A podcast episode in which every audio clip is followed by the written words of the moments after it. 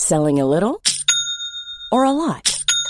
Shopify helps you do your thing however you cha-ching. Shopify is the global commerce platform that helps you sell at every stage of your business. From the launch your online shop stage to the first real life store stage, all the way to the did we just hit a million orders stage. Shopify is there to help you grow. Shopify helps you turn browsers into buyers with the internet's best converting checkout. 36% better on average compared to other leading commerce platforms because businesses that grow grow with Shopify. Get a $1 per month trial period at shopify.com/work. shopify.com/work.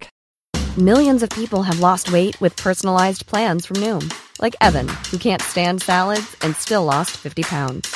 Salads generally for most people are the easy button, right? For me, that wasn't an option. I never really was a salad guy. That's just not who I am. But Noom worked for me. Get your personalized plan today at Noom.com. Real Noom user compensated to provide their story. In four weeks, the typical Noom user can expect to lose one to two pounds per week. Individual results may vary. Even on a budget, quality is non-negotiable. That's why Quince is the place to score high-end essentials at 50 to 80% less than similar brands. Get your hands on buttery soft cashmere sweaters from just 60 bucks, Italian leather jackets, and so much more. And the best part about Quince, they exclusively partner with factories committed to safe, ethical, and responsible manufacturing. Elevate your style without the elevated price tag with Quince. Go to quince.com slash upgrade for free shipping and 365-day returns.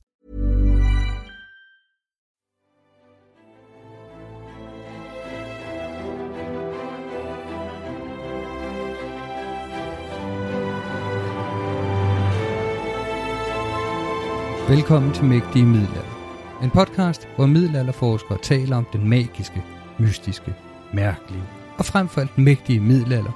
En tusindårig periode, der er afgørende for Europas og Danmarks historie. Mit navn er Thomas Hebelholm, og når jeg ikke er vært på denne podcast, er jeg lektor i middelalderhistorie på Center for Medieval Literature på Syddansk Universitet.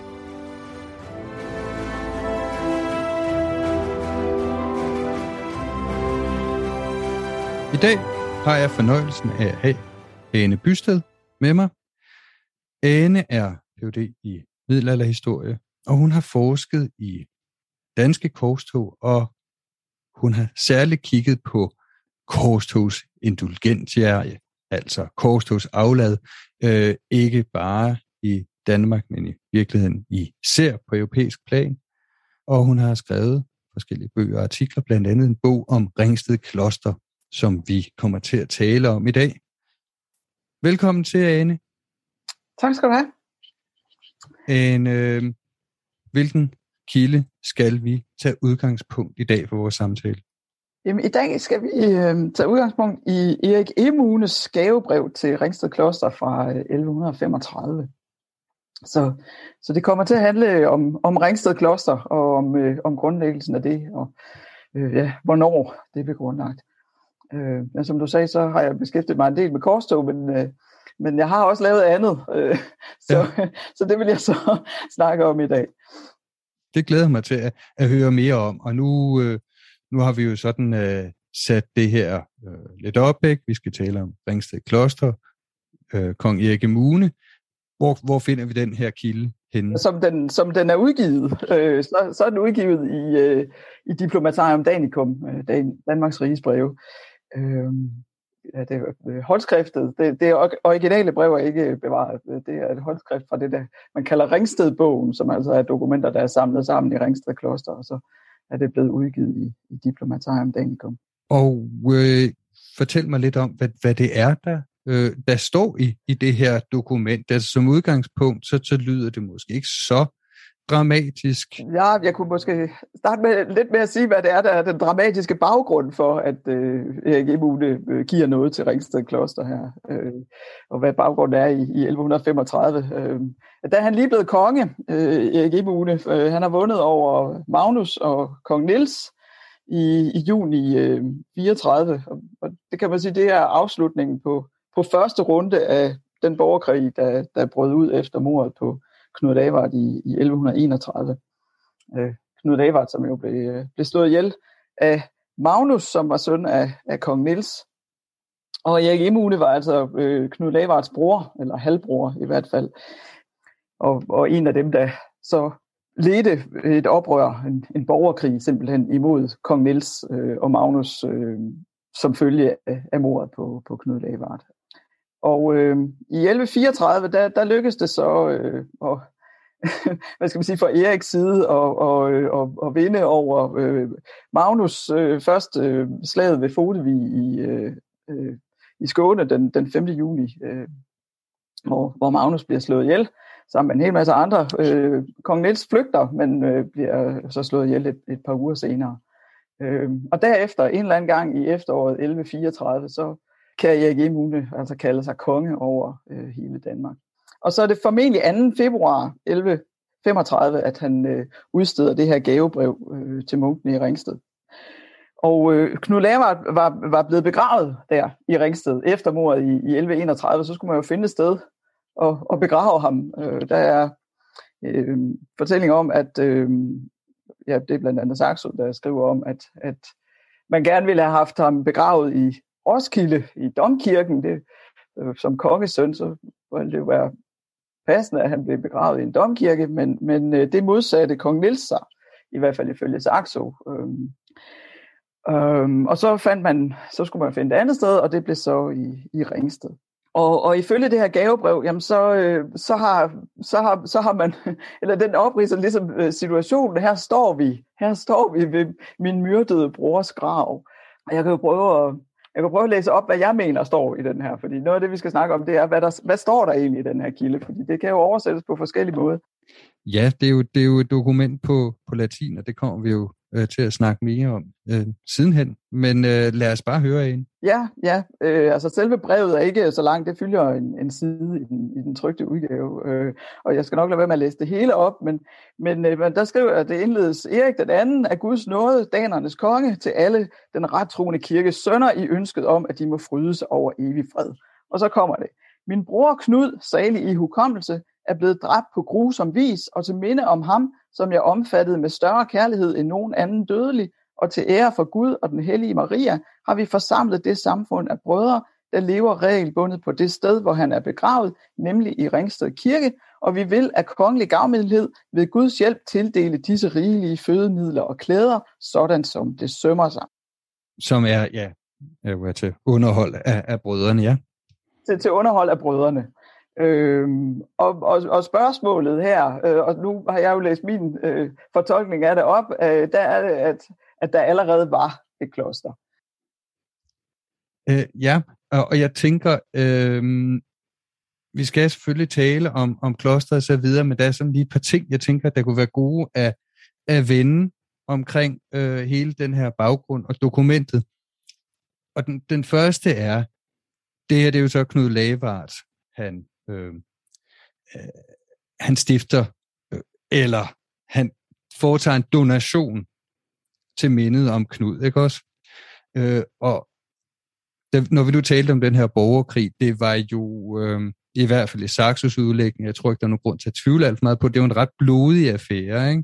Øh, det er korrekt, som du siger med, med Fodevig, at Magnus blev slået ihjel, og en hel masse andre, ikke? Men, men for lige at sådan demonstrere omfanget, så er det jo Øh, det er jo faktisk fem biskopper, der også mister livet, ikke? som bliver slået ihjel på stranden, da de forsøger at gå i land i Skåne. Ikke? Og kong Nils bliver øh, myrdet i Slesvig, hvor han søger tilflugt. Så vi har sådan en, en, ja, en indramning af, af mor, ikke? og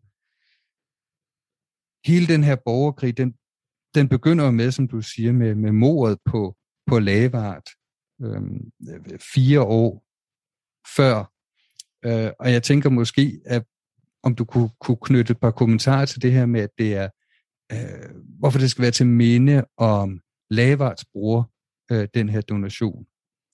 Ja, eller til minde om Lavard, indstift, indstift af hans bror.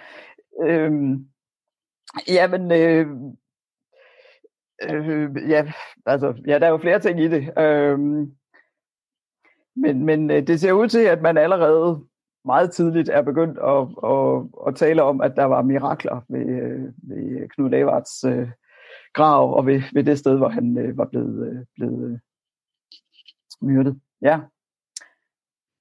så, så der er jo altså noget hellighed ved ham, øh, men, men kan man ikke også sådan lidt presse at sige, at Erik Mune var blevet konge, hvis, hvis Lavard ikke var blevet myrdet, og så Mune bagefter havde været nødt til at hævne ham, og så videre?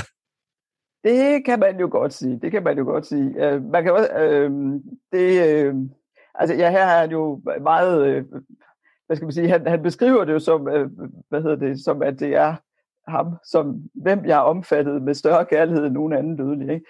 Øh, skriver han så ømt. Øh, og det er hans, hans kære, kære halvbror, som er blevet grusomt myrdet.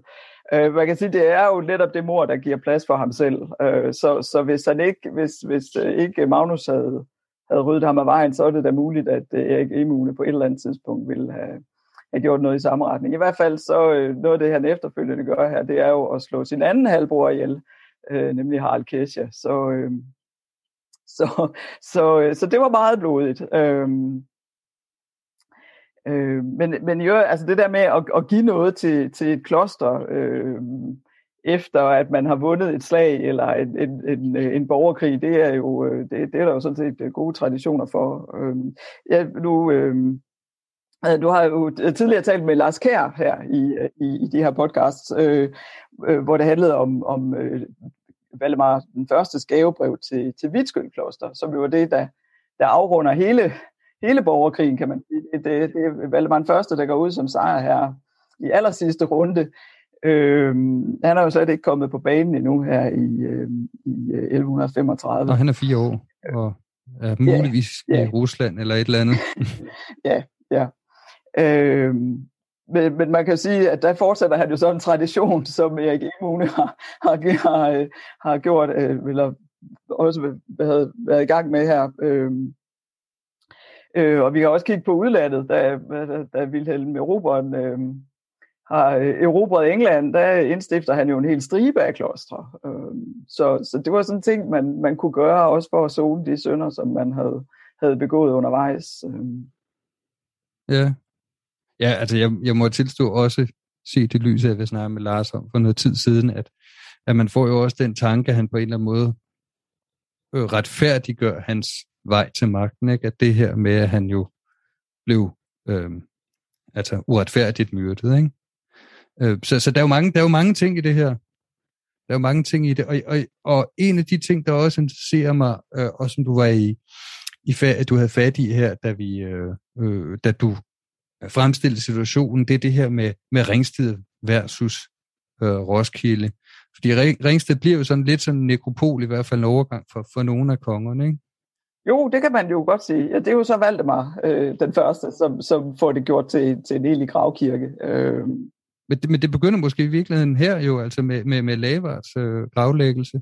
Ja, altså det er jo, eller jamen, grunden til, at, at Valdemar øh, vælger det her til gravsted for sig selv, og, og det også bliver til gravsted for hans efterslægt, det er jo, at, at Knud Lavard allerede var gravlagt her. Og, og, og, og de kommer til at ligge lige så fint øh, på, for fødderne af hinanden øh, ned i, igennem øh, kirken. Som jo så i øvrigt, det skal vi måske også øh, sige for god ordens skyld, den kirke, som Knud Lavard blev begravet i, er jo ikke den, der står der nu. Øh, nogen vil måske vide, at der står den store øh, røde teglstenskirke, Sankt Bens kirke øh, i Ringsted i dag. Det er jo så den, Valdemar den første får bygget. Øh, netop for at, øh, at fremhæve det her sted. Øh, men da øh, Knud Lavard blev, blev begravet her, der har der været en, en mindre kirke, som var en, en frostensskirke. Aha. Ja. Okay.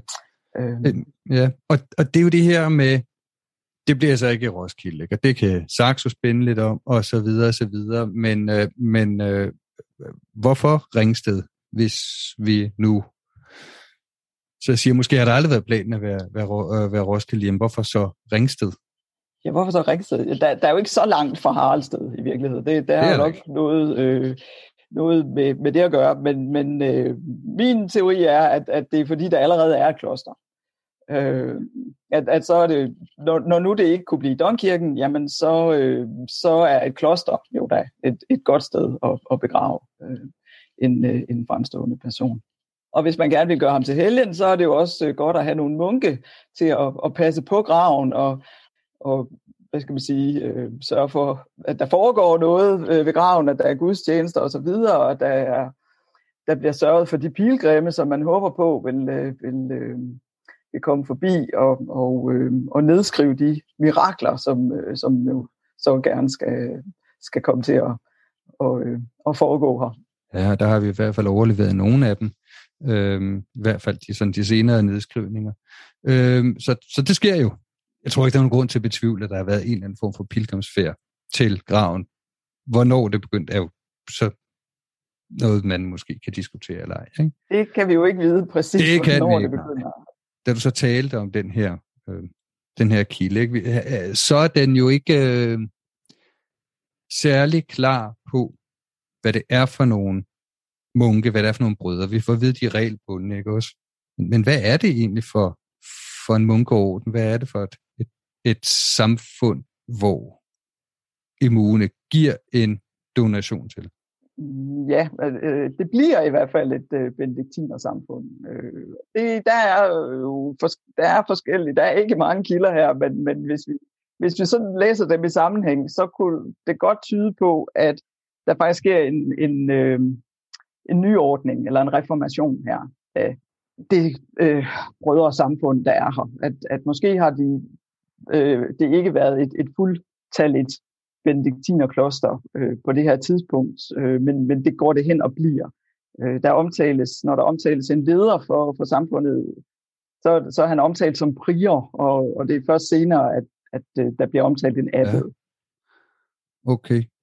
Og er det også det, der ligger i, i det her regelbundne, øh, som, jo, som jo er fremmede ord for, for mange, og kan være svært at, at håndtere for mange i dag? Altså, hvad er en regelbunden munkeorden? Ja, regelbunden, ja, det, det må formentlig betyde, at de lever efter Benedikts regel. Det kunne også være en anden regel. Det kunne være en augustinerregel, en, en, en, kanikeregel. Øh, der er øh, øh, nogle af de her mirakelberetninger, som, øh, som, som nemt bliver faktisk nedskrevet, og vi har nogle brudstykker af dem overleveret. Øh, der bliver der talt om, at der er nogle præbenteholdere her ved det her, og ja, dem, der har præbente, det er jo sådan en slags stipendium, kan man sige, et, et kirkeligt stipendium. Og det er ofte kanikere, der har sådan et, et, et præbente, så, så øh, det kunne måske tyde på, at, at der har været et kanikesamfund, øh, som så bliver omformet til et, et øh, benediktinerkloster. Måske bliver der importeret nogle munke fra Odense. Det er der også øh, spor af. Aha, okay. Uh, ja, så, hvor, hvor der, ja. der er, øh, i hvert fald på papiret, det kommer vi jo til at tale om sidenhen, ikke? men at der er et umiddelbart ældre øh, klostersamfund i Odense. Ja, ja. Som jo så har at gøre også med, med, med øh, kulten for den anden hellige Knud, altså Knud Konge, øh, Knud den Hellige, som, som allerede var øh, etableret som helgen og helgenkåret og alting. Ja, og det er øh, altid en, en, et, et frygteligt problem for danske middelalderhistorikere og andre skal finde ud af, hvilken hellig Knud der er tale om, når vi har fat i øh, tiden fra ja, midten af 1100-tallet og frem. Ikke? Ja, ja. Ja, man, man blandede dem også sammen i middelalderen. Det er nemlig det, det, det er ikke så mærkeligt, at vi ikke kan finde ud af det. det nej. Øh, nej. øhm, og jeg har hørt og læst spændende teorier om det, men det, det er til en anden god gang. Øh, Helle Knud og Knud. Hvem er hvem? Ja, ja. men altså den her på papiret øh, øh, øh, klosterdonation, den ser jo ret uskyldig ud. Ikke? Det vil være, hvis man var interesseret, øh, så kører man måske lidt hen over den. Hvad, ja, okay, øh, der er en donation videre. Ikke? Øh, men der ligger jo en historie her, ikke? og det er noget af det, du har øh, kigget på. Øh, og jeg ved, der er øh, noget, du gerne vil fokusere på i den her historie. Så kan du måske tale lidt om, hvad, hvad den danske oversættelse siger, og hvad du og andre øh, læser, og hvad I læser ud af teksten, når I kigger på det latinske. Ja, ja. Øh, jeg vil lige gerne starte lidt andet sted, hvis det er i orden. til det. Det er helt fint. Øh, øh, og, og måske også sige, hvor, hvorfor, hvorfor øh, er jeg lige interesserer mig for den her kilde. Øh, og, og det, øh, eller jeg begyndte at interessere mig for den, fordi at jeg gerne ville finde ud af øh, noget om Ringsted Klosters historie. Ja. Den, hvornår blev det grundlagt, og hvad var den tidlige historie? Øh, og og øh, jeg var, på det tidspunkt var jeg ansat på, på Ringsted Museum øh, og, og skulle finde ud af så meget som muligt om, om Ringsteds middelalder. Og øh, så øh, var der øh, øh, forskellige tolkninger øh, af, hvornår var det her kloster grundlagt. Øh, og de støtter sig så på, på forskellige kilder. Øh, og den ene teori, den går ud på, øh, at, at det øh, blev grundlagt af Roskildebispen Svend Normand i øh, 1080'erne. Øh, og det er ud fra Roskildegrønnen. Det er Roskildegrønnen, der fortæller det. Og så er der den anden teori, at det er Erik Emune, mm. som øh, grundlægger det øh, med det her gavebrev i 1135. Øh, så, så det afhænger af, hvordan tolker vi de her to kilder. Øh, altså under alle omstændigheder, så var klosterets historie øh, forbundet med, med historien om, om, om Knud Lavard. Øh, men, men fordi, ja, fordi Knud Lavard blev, blev begravet her, ikke? Men, men opstod klosteret som følge af, at Knud Lavard blev begravet her, eller var der allerede et kloster, og, og var det så derfor, Knud Lavard blev, blev begravet her? Øh, man kan sige, det var sådan set det, der var det centrale øh, spørgsmål. Øh, og, og, og der er rigtig mange historikere, som, øh, som i, i 1900-tallet, som har, har øh, skrevet, at, at øh, det blev øh, grundlagt af øh, Erik Emune, og som jo så altså ser bort fra, fra Roskilde-krønningens øh, udsagn. Øh, det er... Øh, det er både øh, altså, Hal Kok og Skyrum Nielsen og Axel E. Christensen, ja. som, og mange andre, som skriver sådan helt, og det er ikke fordi, de skriver meget om det her kloster, men, men det er sådan helt en passant om så efter mord på Knud Lavard og bla bla bla, og så Fodevig og Erik Emune, og så giver han i øvrigt noget til, til Ringsted Kloster. Øhm, så det er jo sådan en veldig etableret fortælling, kan man sige, ja. øh, tolkning om, hvordan der var en, en rækkefølge, øh, en, en øh, årsagssammenhæng nærmest i, i det her. Men hvis vi kigger på teksten, altså Erik Emules gavebrev, så er det ikke rigtigt det, der står. Eller det afhænger sådan set af oversættelsen af et bestemt ord. Ja. Øhm, øhm, og det her ord på, øh, på latin, øh, det er coadunavimus. Ja.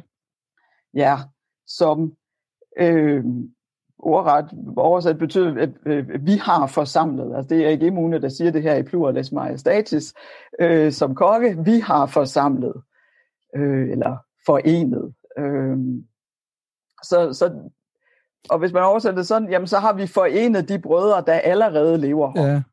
Og der er det så det, at i oversættelsen i, øh, altså, da, øh, i Danmarks Riges breve, som jo er parallel udgave, udgave til, til Diplomatarium Danicum, der står der øh, oversat som, at vi har opbygget et samfund af brødre her. Ja. Og i registerne øh, i det her værk, det er jo øh, det, der, det, er det, der står i, i kursiv der ovenover alle mm. kilde, kilderne i, i både Diplomatarium Danicum og Danmarks Riges Breve, der har udgiverne sådan lavet den her service til læseren med at lave en regest, altså sådan en lille resume af, hvad står der her. Og i begge værker, der står der, at Erik Emune stifter et klostersamfund. Mm og det, det må være lidt en, en, en svipser, tænker jeg. Øh, øh, eller måske har, måske har de oversat det sådan, eller måske øh, den, der har skrevet registerne, har læst, hvad Hal Kok og, og Skyrum Nielsen osv. har skrevet, i stedet for at lige at læse helt nøje på, hvad det betyder egentlig coadunavimus. Øhm, det, øh, og det siger jeg ikke for at og, og puste mig op og sige, at mit latin er meget bedre end dem, der har udgivet Danmarks øh, Riges breve. Det, øh, det, det, det tror jeg simpelthen ikke. Øh, men men øh, nogle gange læser man måske bare det, man tror står der, øh, fordi man allerede har en tolkning om, at Erik Emune stiftede det her kloster. Ja, det er jo det her med det... Øh... En af de interessante ting ved historikergærningen, det er jo, at man skal jo selvfølgelig øh, læse kilderne grundigt, og øh, det gør vi som regel også. Men vi kan jo aldrig helt sige os fri for, at vi står på skuldrene af, af kæmper. Og nogle gange, øh, der har man jo en, hvad kan man sige, forudindtaget holdning, eller et eller andet, der ligger på ryggraden, ikke? Og som du siger, hvis de har læst hos Hal Koch eller andre, jamen så, så tænker man måske ikke så meget over hvorvidt det var immune, der stiftede det, eller om det var der allerede. Og øh, hvis vi nu, uden at øh, smide skidt på vores øh, meget dygtige forgængere, men, men de havde jo også en, en fortælling om en voldsom udvikling i 1100-tallet. Ikke? Og nogle gange, hvis jeg sætter på spidsen, kan man forekomme det nogle gange, at de opererede med et lidt hårdt skæld mellem øh, populært sagt vikingetid, eller sådan noget småhedensk, småbarbarisk, og så overnight, så bliver Danmark middelalderlig og kristen og civiliseret og alt muligt andet, og der kommer kirker, og der kommer katedraler, og der kommer bispestifter, og der kommer munkekloster. Ikke? Det er jo nogle gange de der ting, vi arbejder med. Øhm, så det, det kan jo også være, at det er sådan noget, der ligger. Ikke?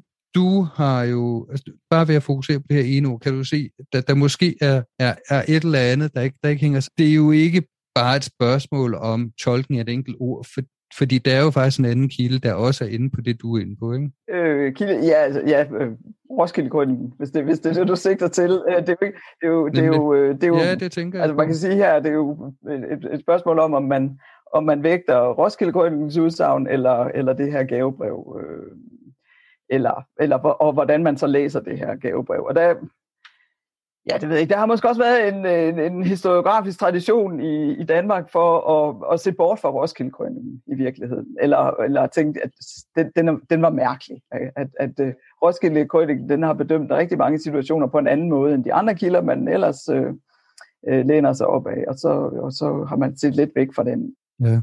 Kan, kan du kort opsummere, hvad det lige er, Roskilde Krøniken oh, ja. er for en størrelse? Jamen, den, ja, den er jo anonym. Vi ved ikke, hvem der har skrevet den, men, men formentlig en gejstlig ved, ved, øh, ved Domkirken i, i Roskilde, som fremhæver hvad skal man sige, Roskildes rolle øh, i, i den danske kirkes udvikling, kan man sige. Den, den starter helt tilbage fra, fra den danske kirkes begyndelse, øh, og, og så op til omkring 1137-38 øh, hvor, hvor den slutter, og så, ja, så er der en tilføjelse senere hen, men, men hvis nu tager den, den oprindelige, øh, den oprindelige Roskilde Kronik her. Og det ser også ud til, at den er påvirket af øh, ærkebiskop Eskils holdning. Det, øh, det, det ser sådan ud, eller den er forfattet på det tidspunkt, hvor Eskil bliver biskop i Roskilde. Og det er der så nogen, der har har hæftet sig ved, at det måske er meget influeret af, måske endda skrevet af, af arkebiskop Eskild. Men, men, og, men den indeholder jo mange interessante oplysninger, som nogle gange flugter med, hvad kan man sige, lidt sådan vores hovedkilde til mange ting i, i, i Danmark i nemlig Saks Grammaticus. Nogle gange flugter med den, andre gange er han ikke enig. Ikke? Og det er jo sådan lidt, lidt krasbørstig krønike nogle gange. Ikke? Så det er den her krønike. Men den har jo altså nogle udsagn, som måske godt kunne øh, understøtte din tolkning. Ikke? Jo, altså den, øh, den giver jo, øh, den giver jo Roskilde-biskoppen Svend Nordmand æren for at have, have bygget forskellige, og hvad hedder det, stiftet forskellige kirkelige institutioner rundt omkring, blandt andet øh, kirken øh, i Roskilde, eller klosteret i Roskilde. Det er nemlig også det, hvad hedder det, øh, det øh, Roskilde skriver, at, øh, at øh, Svend Nordmand har, har lavet et monasterium her, øh, og også nogle andre steder, men, men blandt andet i Roskilde har han lavet et monasterium til, øh, til Jomfru Marias ære. Øhm, og det ja, monasterium, det, det gengiver vi jo hurtigt i, i monastery på, på, øh, på engelsk, det er det, der betyder kloster. Øh, der er der så øh, tidligere historikere, eller en, en øh, Wilhelm Lorentzen, som har skrevet et, et stort øh, værk om øh, danske benediktinerklosters øh, bygningshistorie. Han har argumenteret øh, med, at, at øh, monasterium i tusindtallet godt kunne betyde kirke. Han ville altså, da han skrev om benediktinerklosternes øh, bygningshistorie og om Ringsted, øh, ville han gerne have det op i 1100-tallet, og ikke være øh, være grundlagt i, i tusindtallet, som, som Roskilde hævder. Og, og, øh, og han argumenterede sig for, at, at øh, monasterium construxit, som der står i, i Roskilde det måtte betyde, at han havde bygget en kirke. Fordi at monasterium betød kirke i tusindtallet. Men der er jo bare det ved det, at Roskilde er skrevet i 1100-tallet. Der er cirka 1137, 38, øh, og der bestod, betød monasterium altså kloster, så det vil være mere nærlæggende, at han har brugt ordet i den betydning, det havde i hans egen samtid, end at han sådan har, har, har øh, lavet den, hvad skal man sige, har, har talt gammeldags der. Øh, og det er så også samme Wilhelm Lorentzen der. Han læste til synligheden noget andet i, øh, end det der Coadunavimus, som jeg hæftede mig før øh, ved i, i øh, Emunes gavebrev. Der, øh, han, det, og det her, han må have været i håndskriftet, øh, og ikke, øh, det var før Danmarks Rigesbrev eller Diplomatarium Danicum udkom. Øh, så han må have været i håndskriftet, og der har han til synligheden læst et andet ord end Coadunavimus. Øh, Coadunavimus, skriver han. Og, og det tager han så som et, øh, og, og man kan, sådan som han formulerer det, man kan lige se, at han er blevet glad, da han har læst det her, at øh, nej, det ser sandelig ud til, at det var Erik Emune, der, øh, der stiftede det her kloster. Øh, og, så, så det var, den, øh, det var sådan, han fik, fik øh, kilderne til at hænge sammen, om jeg så må sige. Øh, og, og øh, om det så er, er hans tolkning, der er, er glædet ind, om det er, øh, altså om, om det er ham, som Halt Kok og, og Skive Nielsen og så videre egentlig bygger på, det, det ved jeg ikke. Men der er jo lidt det ved det, at når først sådan en tolkning er der, så, så spreder det sig lidt som ringe i vandet på en eller anden måde. Eller at hvis først det står der i sådan et, et autoritativt værk, jamen så, så er der mange, der læser det, og så, så bliver det jo den fortælling, man har, når man, når man skriver videre. Øhm. Ja, der kan jo blande sig mange interesser, og måske noget lokal patriotisme, og måske øh, en vis stolthed ved, at det er et kongeligt grundlagt kloster, og at man har sådan en dejlig klar begyndelse, i stedet for det, du jo lidt hindrer her med, at der godt kan have været et eller andet samfund af gejstlige af en eller anden art, som du nævnte tidligere, kaniker eller munke eller et eller andet, så bliver det jo sådan lidt, lidt rodet, ikke? Og hvad var det for noget, og hvad, hvad, hvad, hvad, hvad lavede de, ikke? Øh, og, og i den her sammenhæng kan man måske snakke om, ikke? Altså, hvad er implikationerne af, at der er en fejldatering, øh, eller ikke en fejldatering, mit undskyld, en problematisk oversættelse. Ja, Ja, jamen altså, det får, det får jo øh, konsekvenser også for andre tolkninger. Øh, og det har også fået konsekvenser for, hvordan arkeologerne så har tolket de ting, øh, de har fundet ud af ved deres arkeologiske undersøgelser her. Øh, det var også noget af det, jeg kiggede på, da jeg, da jeg arbejdede med det her. Øh, jeg er jo ikke selv arkeolog, men, men jeg tog ind på Nationalmuseet og, og, og kiggede i øh, arkiverne, øh, hvad der er af, af beretninger om, om arkeologiske fund øh, ved Ringsted Kloster. Og øh, der er så bare det uheldige ved det, at der er ingen, ingen intet af det, man har fundet, som egentlig daterer det. Øh, I hvert fald ikke, da man øh, gravede det ud øh, i sin tid. Der har man ikke haft metoder, som kunne datere det. Men, men øh, hvad hedder det, klosteret er brændt ned øh, sidste gang i 1806, øh, og så er der bygget en, øh, en, sådan et moderne mausoleum henover, der, lige der, hvor klosteret var. Øhm, så, så man har ikke rigtig fået lov til at, at, at grave det ud. Øhm, og de få ting, der er dukket op, altså når man for eksempel har lavet, øh, der er jo også en kirkegård der nu, øh, og når man indimellem er der, øh, øh, hvad hedder det, gjort fund, når man har gravet nye grave, øh, skulle lave nye begravelser, så har man fundet lidt murværk, og så har man hedkaldt øh, Nationalmuseet, som så har kigget på det. Øh, men men øh, men det er øh, det, man har fundet, er simpelthen fundamenter, stenfundamenter, granitfundamenter, og det kan man jo ikke sådan lige, man kan jo ikke lige sige, at det er fra 1000-tallet eller fra 1100-tallet. Der er jo ikke noget, der, øh, der, er, hvad hedder det, der er afgørende der.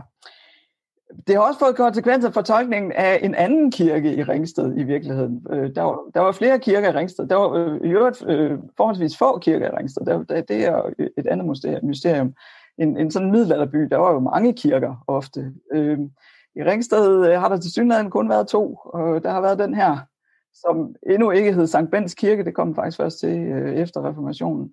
Øh, den hed Vor Frue, men øh, øh spørgsmålet er jo, altså det underliggende spørgsmål her i, i det, vi nu har snakket om, er jo, da det øh, Erik Immune gav noget til, var, var det, øh, var det øh, noget, der allerede var en, øh, en øh, klosterkirke, eller var det en sovnekirke, som så bliver gjort til klosterkirke? Øh, og, og hvis den så var sovnekirke i forvejen, så kunne man jo få brug for en ny sovnekirke, fordi hvor skulle man så gøre af sovnefolkene? Jamen så er der en anden kirke, eller øh, efterretninger om i hvert fald, at der skulle være en anden kirke i Ringsted, som hed Sankt Hans Kirke, Øhm, og den er der heller ingen spor af, altså arkeologiske spor af. Øh, den har ligget, hvis man kender lidt til Ringsted, så har den ligget der, hvor øh, man senere hen har bygget et vandtårn, altså simpelthen på det højeste punkt i, i Ringsted by.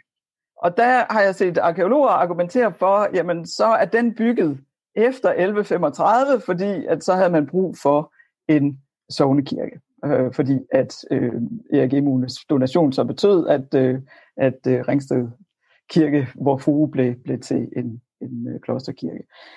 Der er bare det ved, at der, der er ingen som helst belæg for det, sådan set. Der er ikke nogen fysiske spor af øh, den her Sankt Hans kirke, som kan fortælle os, om, om den faktisk er bygget i sidste halvdel af 1100-tallet, eller om den allerede var der. Den kunne meget vel have været der allerede.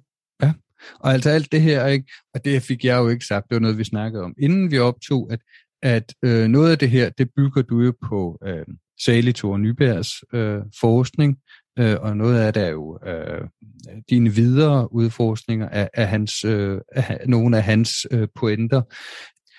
Men det er jo spændende med det her med øh, den lokale betydning for Ringsted. Man kan sige, at der er det her med, med kirkerne, som jo selvfølgelig har enorm betydning for øh, beboerne i Ringsted.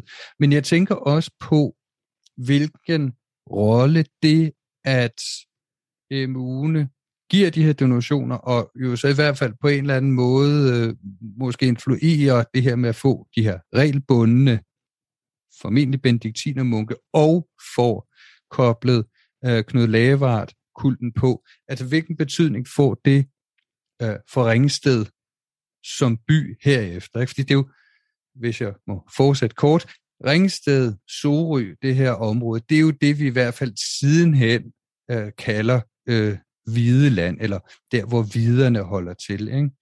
Øh, det, det, øh, det, det ligger i hvert fald et område, som Valdemarenes støtter viderne sidder relativt tungt på.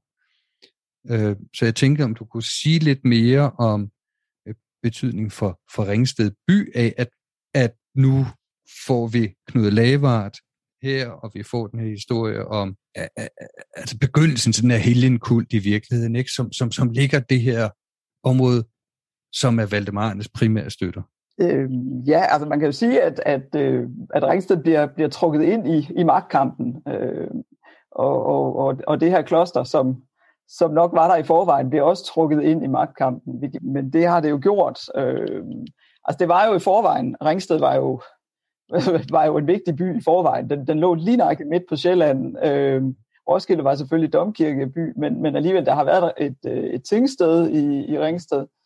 Øh, og, øh, og der har også været en kongsgård. Øh, og kong Niels havde jo den kongsgård i, i Ringsted. Det, i hvert fald, øh, det fremgår af Saxo, når han skriver om, om perioden her, at, at øh, kong Niels øh, øh, havde en, en kongsgård her. Øh, så på den måde kan man også sige, at det var en lille smule pudsigt, hvis, hvis det nu, i hvert fald som Saxo hævder, var sådan, at, at øh, kong Niels modsatte sig, at, at øh, Knud Levart skulle, skulle begraves i Ringsted, at, eller i Roskilde, at det, man så vælger Ringsted, hvor kong Niels jo sådan set også kom, kom forbi jævnligt, fordi han havde en kongsgård her. Så, så det er jo ikke ude af kong Niels' sfære, kan man sige der er jo et, i, i de her mirakelberetninger, der er der en historie om, at, at kong Nils skulle være kommet ind i kirken og, og, og, og, og have modsat sig dyrkelsen af Knud Lavard. Så der er vi altså på et meget tidligt tidspunkt, det, det er jo altså øh, før 1134, hvor han bliver slået ihjel, øh, at der kommer han ind i kirken i Ringsted og, og, og, øh, og udspyrer forbandelser imod Knud Lavard, fordi at han,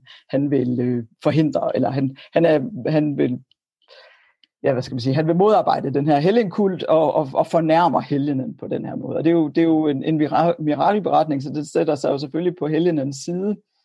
Øhm, og den fortæller så, at, at øh, der er nogen af, af kong Nielses hirtmænd, som, som synes, at, at nu er kong Niels måske lidt langt ude, eller han, han er ved at, at, at, at gøre sig selv øh, dårligt bemærket i virkeligheden. Så, så de vil egentlig gerne eskortere ham sådan stilfærdigt ud.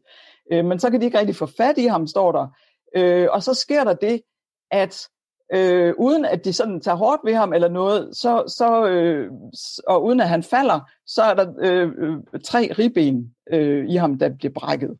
Øh, ja, og det er jo lidt mystisk. Det lyder måske lidt som en bortforklaring af, at de har taget lidt hårdt ved ham, men, men det, er ikke, det er ikke det, der er pointen i, i mirakelberetningen. Det er, at, at, at det er helgenen, der udvirker, at, at nu hvor kong Niels han udspyrer de her forbandelser imod helgenen, så for at vise, hvem der egentlig har mest magt, så, så gør helgenen, at, at, øh, at, at, at hans ribben bliver brækket øh, uden nogen naturlig årsag.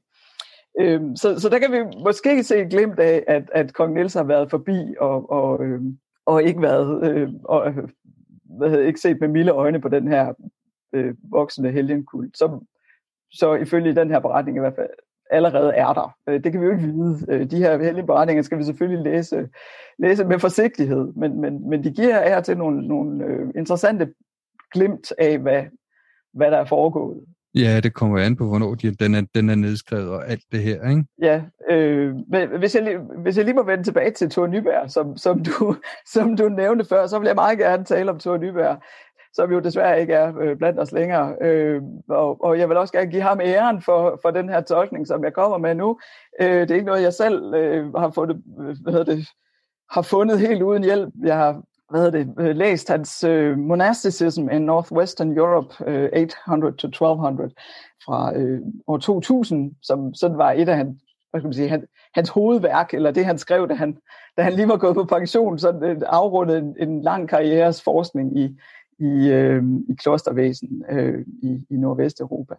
Uh, og der har han jo en stor uh, tese om også, hvad, altså med klostergrundlæggelser, i, i Norden, at der kommer en bølge i, i tusindtallet, så hvor, hvor kloster blev grundlagt af især biskopper og af konger, men især biskopper, og så i, i 1100-tallet, jamen så er det især konger, der, der grundlægger kloster.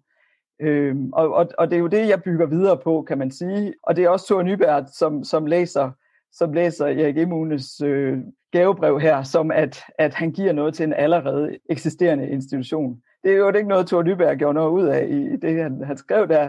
Det var sådan, jeg tænkte, hov, jeg må da lige tilbage og se, hvad, hvad står der egentlig i Diplomatarium Danikum der, fordi øh, det var da ikke det, der stod, da, det, da jeg havde læst oversættelsen i Danmarks Rigsbreve.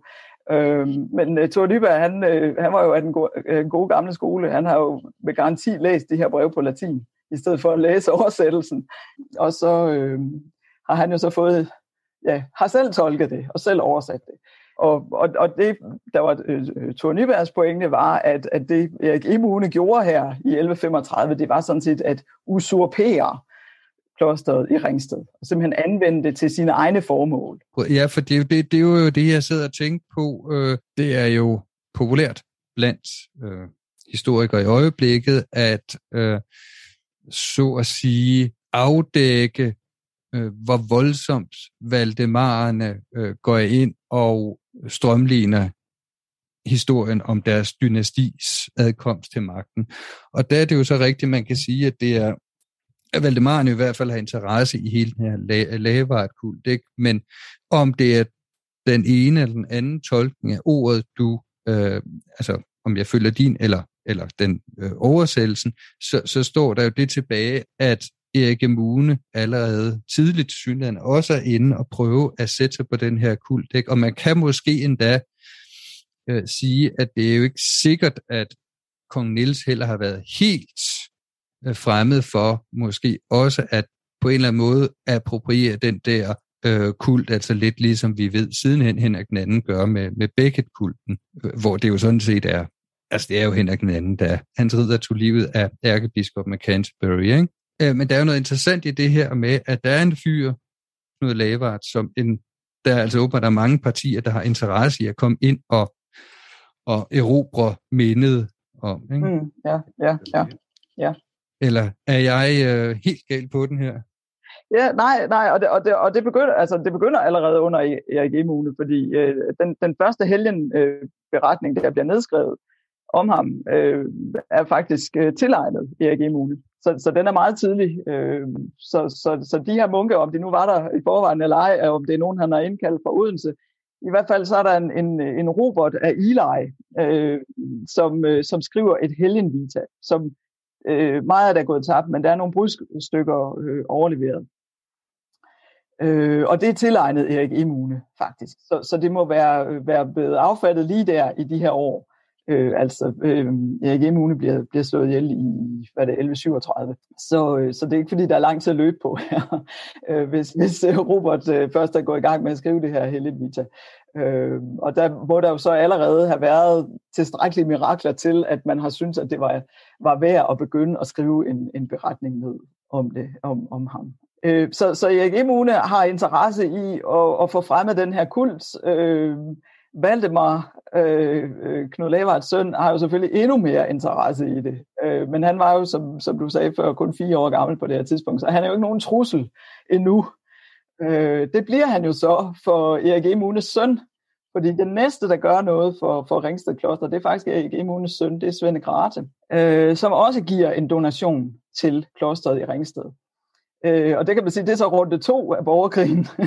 den, den, bliver også, øh, den bliver også ligesom rundet af med, at, at øh, der bliver givet donation til, til Kloster nemlig til, og til Ringsted. Øh, og det er Svend Grate, som det er 1148, i 1148, øh, hvor han så åbenbart har ment, at han var sikker nok til at kalde sig konge af Danmark, det, eller danernes konge. Øh, det er jo efter det dobbelte kongevalg og, og så videre, så, så det er jo ikke, er jo, riget er jo sådan set stadigvæk i borgerkrig, men, men, øh, men Svend Grate har altså øh, ment sig sikker nok til at kalde sig danernes konge, øh, og, og nu vil han så give noget, øh, nemlig til, for, sin, for at, at mindes øh, af, eller af bødighed for, for min erhverdige farbror Knuds enestående fortjenester. Øh, og, og, så, øh, og, og så skriver han noget om, at det vil han så også gøre i overensstemmelse med min faders anordning. Han, som i særlig grad elskede og viste dette sted ære. Ja, det tyder på, at, at øh, Erik Emune har været i gang med en eller anden øh, reform eller ordning for, han, han ville, der, var, der skulle gerne ske et eller andet med klosteret i Ringsted, netop for, sikkert for at få det gearet bedre til at varestå, varetage den her kult om, om øh, Knud Lavard. Øh, men så er det jo så, at han bliver slået ihjel øh, i, i 37, og så går der jo så lige en, en 10-11 år, inden hans søn, Svend Grate, er, er kommet øh, på fod, øh, og, og, og så fortsætter han så sin fars arbejde. Og så øh, indkalder han i øvrigt en, en broder Jens, eller Johannes, fra, øh, fra Odense, øh, til at være abbed øh, af det her kloster. Øh, og, og her kan vi så sige, at når, når der er tale om en abbed, jamen så er der nok et, et helt fuldgyldigt benediktinerkloster. Øh, at det, det kan godt være, at det der taler om er, at det tidligere har været en, en lidt mindre institution. Måske har det været afhængig af et andet, en anden institution et sted. Øh, men nu bliver det til et, et helt fuldgyldigt øh, benediktinerkloster med en abbed, sin egen abbed. Og han, han lover også, at, at øh, Johannes er blevet... Øh, han hævder, at Johannes er blevet valgt på kanonisk vis. Øh, altså kanonisk vis, det betyder, at, at, at øh, brødrene selv frit vælger deres abbed, og det ikke er en, der bliver, bliver presset ned over dem udefra. Øh, og det er sådan, noget, man altid skriver, og i realiteten er der nok ofte sket det, at kongen er kommet med et, et forslag, og så har man fulgt øh, kongens forslag. Men, men, øh, men altså, så længe, de, så længe de gjorde, hvad kongen sagde, så var det jo selvfølgelig frihed. Øhm, og og det, på det her tidspunkt i 1148, øh, der er øh, Svend Grate jo allieret med, med, med Knuds søn øh, Valdemar, som er ham, der går ind og bliver Valdemar den første. Så, øh, og der er også en sød historie i, i, øh, i Helgenberetningerne om, at øh, Svend øh, Grate og, og Valdemar, de forsøger at få Helgenkåret øh, Knud Lavard sådan på, på, på eget initiativ, øh, at de får ham taget op af den grav, hvor han øh, lå, i, øh, og det var i gulvet i den her Frostenskirke, som, hvor Fruekirke, som var i Ringsted, øh, og for at tage ham op øh, og lægge i et helgenskrin i stedet for. Øh, og det, det er en, en, en øh, historie, vi kender fra, fra det øh, ordinale, der bliver skrevet øh, efter, at, at Knud Lavard, at, at alle er blevet enige om, at nu er han helgen, så bliver der skrevet sådan et, et officium, øh, et ordinale til, øh, at de, til de øh, minde øh, gudstjenester, der skal laves øh, for ham, øh, hvor, hvor man jo så øh, reciterer fra helgenberetningerne. Og ja, i øvrigt, øh, vedrører, der er jo i øvrigt også en, en, en finte her med det politiske spil, øh, hvem der er på hvis side. Fordi ifølge det her officium, så øh, modsætter øh, øh, ærkebiskop Eskil sig det. Eskil, som jo før, han, som først var øh, biskop i, i Roskilde, som så øh, senere han bliver ærkebiskop af, af Lund. Øh, af, hvad hedder det? Eskil var blevet gjort til, til biskop af Erik Emune i øvrigt, øh, som du nævnte før, så ved slaget ved Fodevi, så var der jo så alle de her biskopper ihjel, så skulle man have indsat nogle nye, øh, og på det tidspunkt har Eskild formentlig stået på god fod med, med Erik Emunes side. Øh, I hvert fald øh, bliver han øh, biskop af Roskilde, og senere han bliver han, bliver han så ærkebiskop af, af Lund. Øh, og der øh, ifølge helgen øh, ordningen her, så, så, øh, så gør øh, øh, Eskild indsigelse og siger, at man bør, man bør øh, øh, vise det øh, hellige øh, apostolske sæde øh, ære og spørge paven i stedet for. Øh, man skal ikke bare sådan selv beslutte sig for, at nu er han altså helgen, og så stop, øh, hvad hedder det, øh, hvad hedder det, flytte ham til et, et helgenskrin. Og det, øh, det er så blevet taget øh, blandt andet af, af Laurits Weibult som, som øh, tegn på, at, at øh, ærkebiskop Eskild var øh, meget imod planerne om at gøre Knud Lavard til, til, øh, til helgen, øh, fordi han ikke øh, stod på, på, på, den her lin, øh, på den her side, altså Svend og, og Valdemars øh, side i, i de her kampe. Der jo stadigvæk var.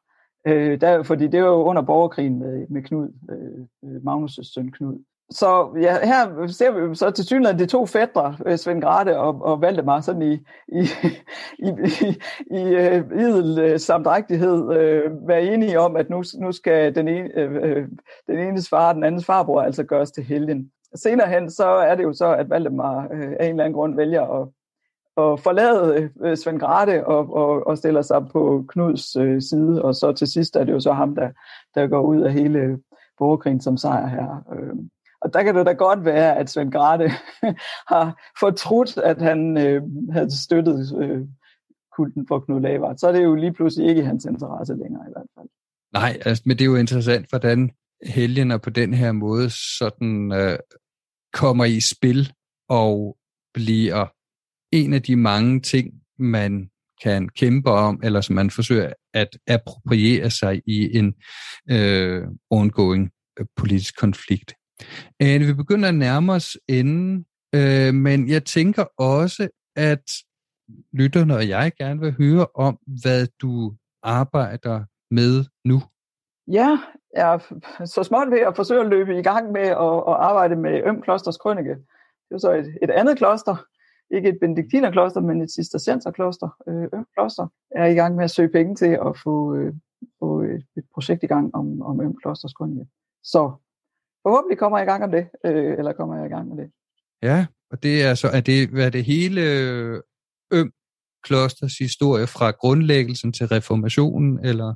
Øh, ja, i princippet, øh, men det er, hvad skal man sige, det tager øh, projektet, som, som øh, det er ikke et, jeg skal lave alene, jeg skal lave det sammen med nogle arkeologer, og, og sammen med, med, med Øm Klosters Museum, og, øh, og, og det tager faktisk udgangspunkt i håndskriftet som fysisk objekt, kan man sige. Øh, arkeologerne vil gerne se på det som en arkeologisk genstand, eller behandle det på samme måde, som de vil behandle ting, de, de har gravet op af jorden. Fordi der er nemlig det ved, ved Øm Klosters Krønike, at det er overleveret i det originale manuskript. Det er der ikke ret mange af vores middelalderkilder fra den her periode, der er øh, overleveret i. Øh, og den er, eller den er fra starten af 1200-tallet, øh, og altså overleveret i det originale manuskript, som, som ligger på, på det kongelige bibliotek. Og så kan man jo give sig til at lave nogle sjove ting med, med analyser af pergamentet og, og sådan noget, når man har det. Det synes jeg lyder meget, meget spændende. Det vil jeg da gerne høre om en anden gang på podcasten. Anne, ja? det var en fornøjelse ja. at dig med. Det var spændende. Vi kom igennem mange spændende aspekter af et lille, umiddelbart undseligt dokument, men som med så mange andre af middelalderens dokumenter, så udfolder der sig en righoldig historie, hvis man læser dem grundigt og sætter dem i den rigtige kontekst. Du skal have rigtig mange tak for, at du kom med, Ane. Ja, selv tak.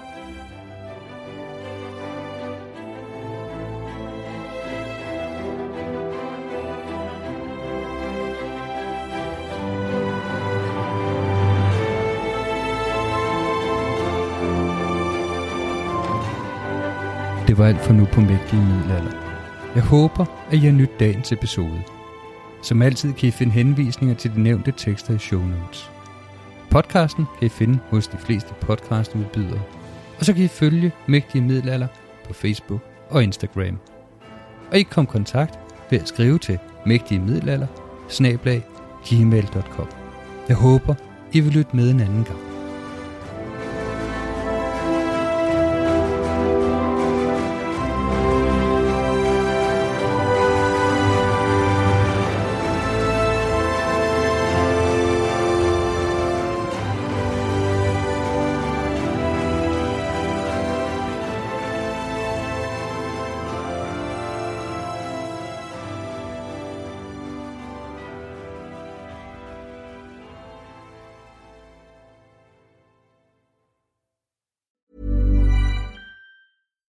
It's Paige DeSorbo from Giggly Squad. High quality fashion without the price tag. Say hello to Quince.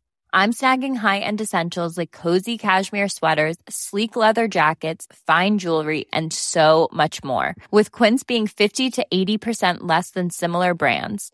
And they partner with factories that prioritize safe, ethical, and responsible manufacturing. I love that. Luxury quality within reach. Go to quince.com slash style to get free shipping and 365 day returns on your next order.